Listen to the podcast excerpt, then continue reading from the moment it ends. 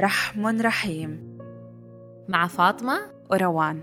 ندعم فيه النساء من خلال تجاربنا في الأمومة. ما شاء الله عروس. ها في بيبي في الطريق. بس أولاد ليش ما تجيبين بنات؟ أنتي من صدقك مهتمة في عيالك؟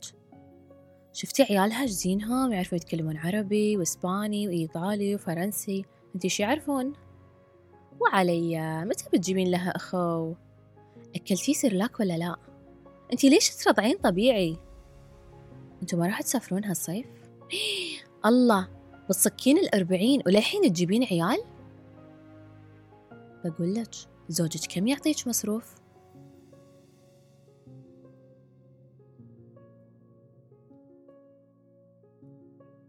طبعا هاي كلها مقتطفات من حياتنا الاجتماعية في ناس ممكن تشوفها بشكل طبيعي. وفي ناس بتشوف إن هالشي تعدي على حدود. كلنا نعرف أن كل دولة وكل مشروع له رؤية خطط وأحلام. نفس الشيء المفروض ينطبق على الأسرة. مهم أن الأسرة تكون لها رؤية. رؤية واضحة. شنو يبون؟ ليش يأسسون هالأسرة؟ شنو اللي يهدفون له؟ وتكون لهم خطط واضحة قدام عينهم عشان يسعون لها. أيضا أحلام عشان تتحقق مع الوقت. واحد من الأشياء اللي اقترحتها فترة الخطوبة وايد أشجع الناس عليها فكرة الدستور الأسري.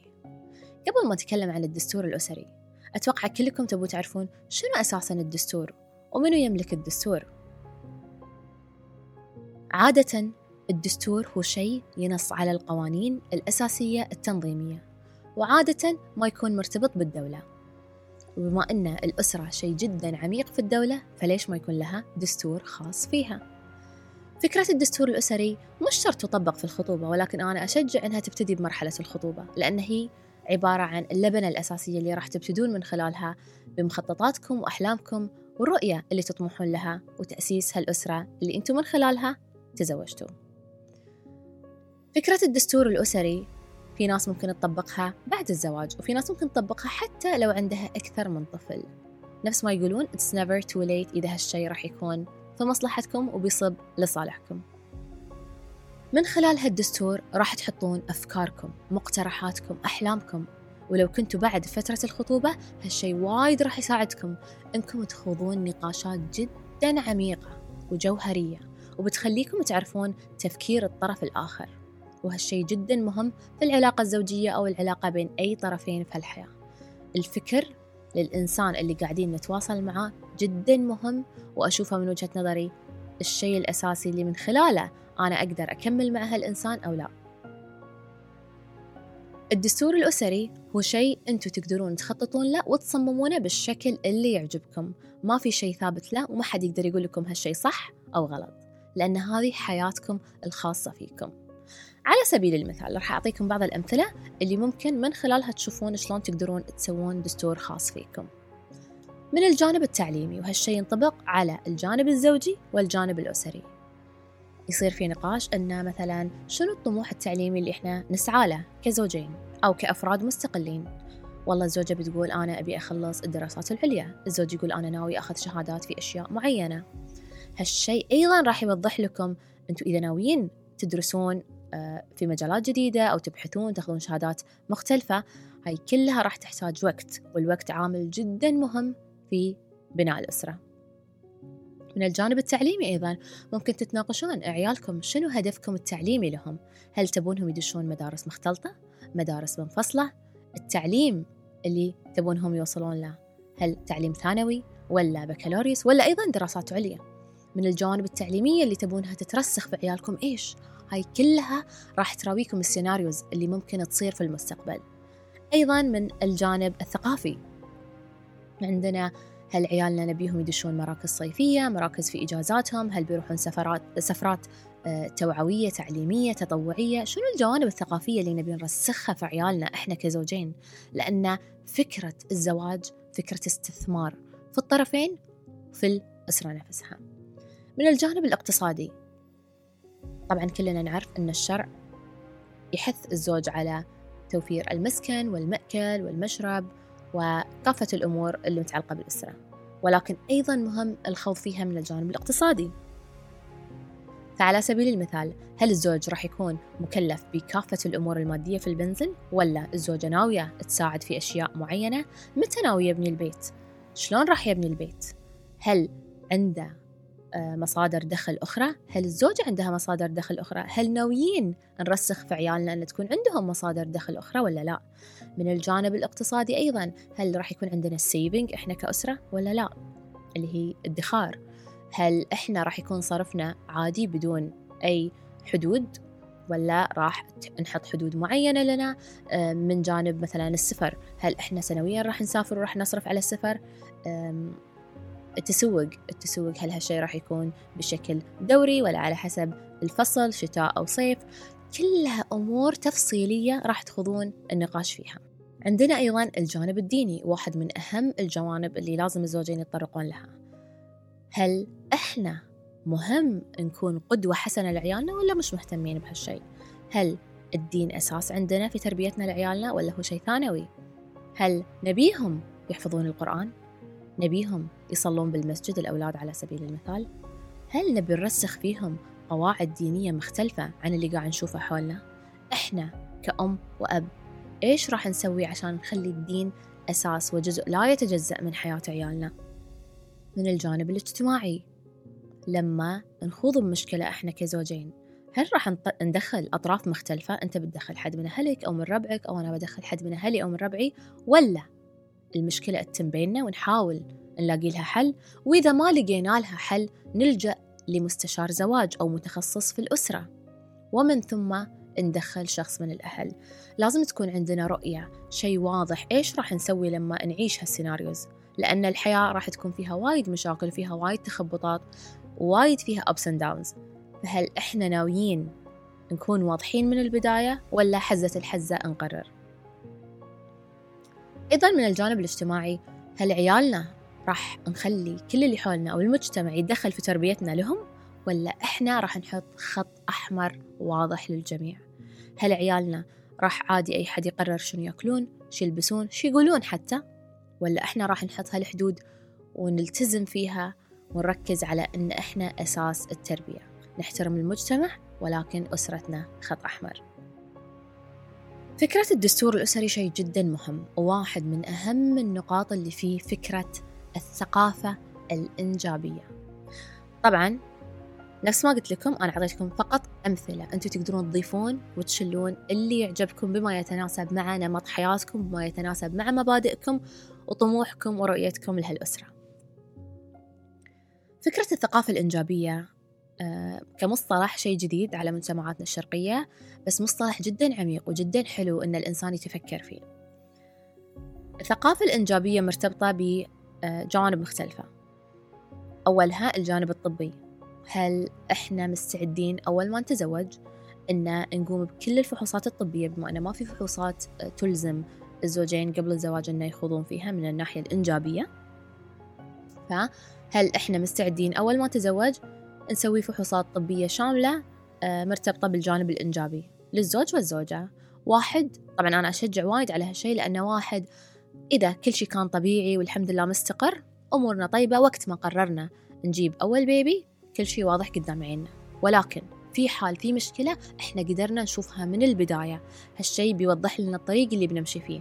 إذا إحنا ناويين نتعالج في الدولة أو خارج الدولة أو إيش نوع العلاج اللي راح نحتاجه ومن الطرف اللي يحتاج هالعلاج وإذا كان شيء جدا صعب نفكر فيه بشكل عميق وجذري أكثر فالجانب الطبي للثقافة الإنجابية جدا مهم في بداية الزواج الشيء الثاني فكرة الثقافة الإنجابية تسبب للإنسان وعي وعي اتجاه أسئلة مختلفة مثلا إحنا ليش نبي نجيب عيال؟ هل لأن هذه الفطرة؟ ولا لأن المجتمع قال لنا لازم نجيب عيال؟ ولا لأن أمي قالت لي لازم أجيب عيال في الفترة الفلانية ولا لأن أنا وزوجي نبي نجيب عيال بهدف معين كلها تساؤلات شنو الهدف أصلا أن نجيب العيال في الدنيا؟ هاي أسئلة الإنسان مهم إنه ياخذ له وقفة ويفكر فيها ويجاوب عليها بنفس الوقت والسؤال اللي بعده متى؟ متى أجيب العيال؟ هالثلاث نقاط كلها تندرج تحت فكرة الثقافة الإنجابية متى؟ ليش؟ شنو الهدف؟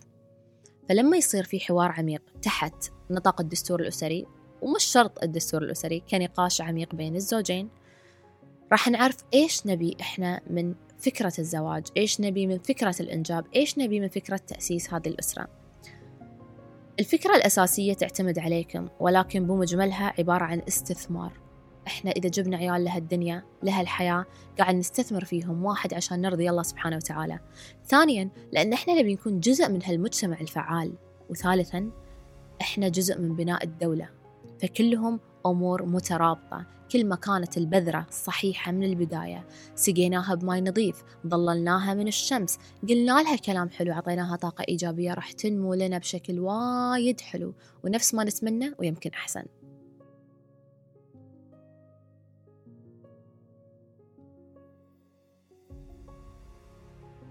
فكرة الثقافة الإنجابية ترتبط بنمط حياة الزوجين يعني إذا أختي عندها ثلاثة عيال وجابتهم في العشرينات هل لازم أنا أجيب عيالي في العشرينات نفسها؟ إذا رفيجتي جابت بنت عقب ولد عقب بنت عقب ولد عقب بنت عقب ولد هل لازم أنا أسوي نفس الشيء؟ طيب رفيجتي تزوجت وعمرها 35 وأنا تزوجت وعمري 28 هل ال timeline الخط الزمني متوافق بيني وبينها ولا مختلف؟ في شيء مهم نركز عليه. شنو نمط حياتنا؟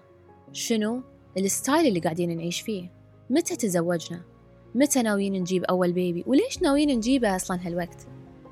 وايد أسئلة تجيني. فاطمة كم المدة المناسبة بين أول طفل وثاني طفل؟ طيب أنا توني مخلصة الجامعة. إيش رأيك؟ تحسين مناسب إني أجيب أول baby؟ فاطمة أنا قاعدة أدرس وبنفس الوقت حامل وأحاتي ال baby اللي موجود في البيت. فاطمة أنا بصك الأربعين وأبي أخلص كل عيالي خلاص ما أبي أجيب شيء عقبهم. إيش رايك؟ ما في شيء اسمه إيش رايك وما في شيء اسمه متى أفضل وقت. لأن ما في أفضل وقت. كل أسرة وكل طرفين عندهم الوقت المناسب لهم. ونفس ما ذكرنا بأول حلقة ما في شيء اسمه ماراثون. ما في ماراثون مع الناس. حياتكم خاصة فيكم. رتبوها ونظموها وخططوا لها بالشكل اللي يناسبكم. لو كانت حياتكم فيها وايد سفر تقدرون تخططون لها. مثلا تجيبون العيال قبل سفراتكم وبعدها تلتزمون بالسفر أو تخلصون سفركم وبعدها تجيبون العيال بعد السفر أو خلال السفر. هاي شيء خاص فيكم قرار مرتبط فيكم كزوجين. إذا أنتم متزوجين بشكل آه، بعمر متأخر وناويين تجيبون عيالكم في عشر سنين وخلاص هاي الشيء مناسب لكم. فلا تفتكرون بكلام حد لأن أسرتكم بتكون خاصة فيكم أنتم ممكن كبشر نسمع من اللي حولنا ونحس إنه والله يمكن هالشيء اللي سووه حلو هالعيلة سوت هالشيء حلو ليش ما نجرب هالشيء هاي أمور طبيعية إحنا نسمعها وممكن أن نطبقها أصلا بس نركز على نقطة حياتنا مختلفة عن حياة اللي حولنا أوكي الوقت الزمني ما بين الطفل الأول والثاني أو الطفل الأول والخامس شلون؟ ما في وقت زمني أساسي شنو ظروف حياتك؟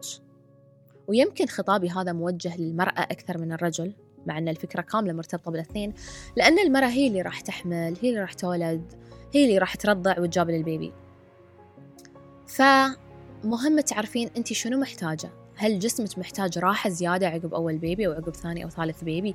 فالوقت راح يصير أطول بين الأطفال؟ ولا أنت تحسين لحين فيك طاقة وجسمك مرتاح فتقدرين تجيبين على طول؟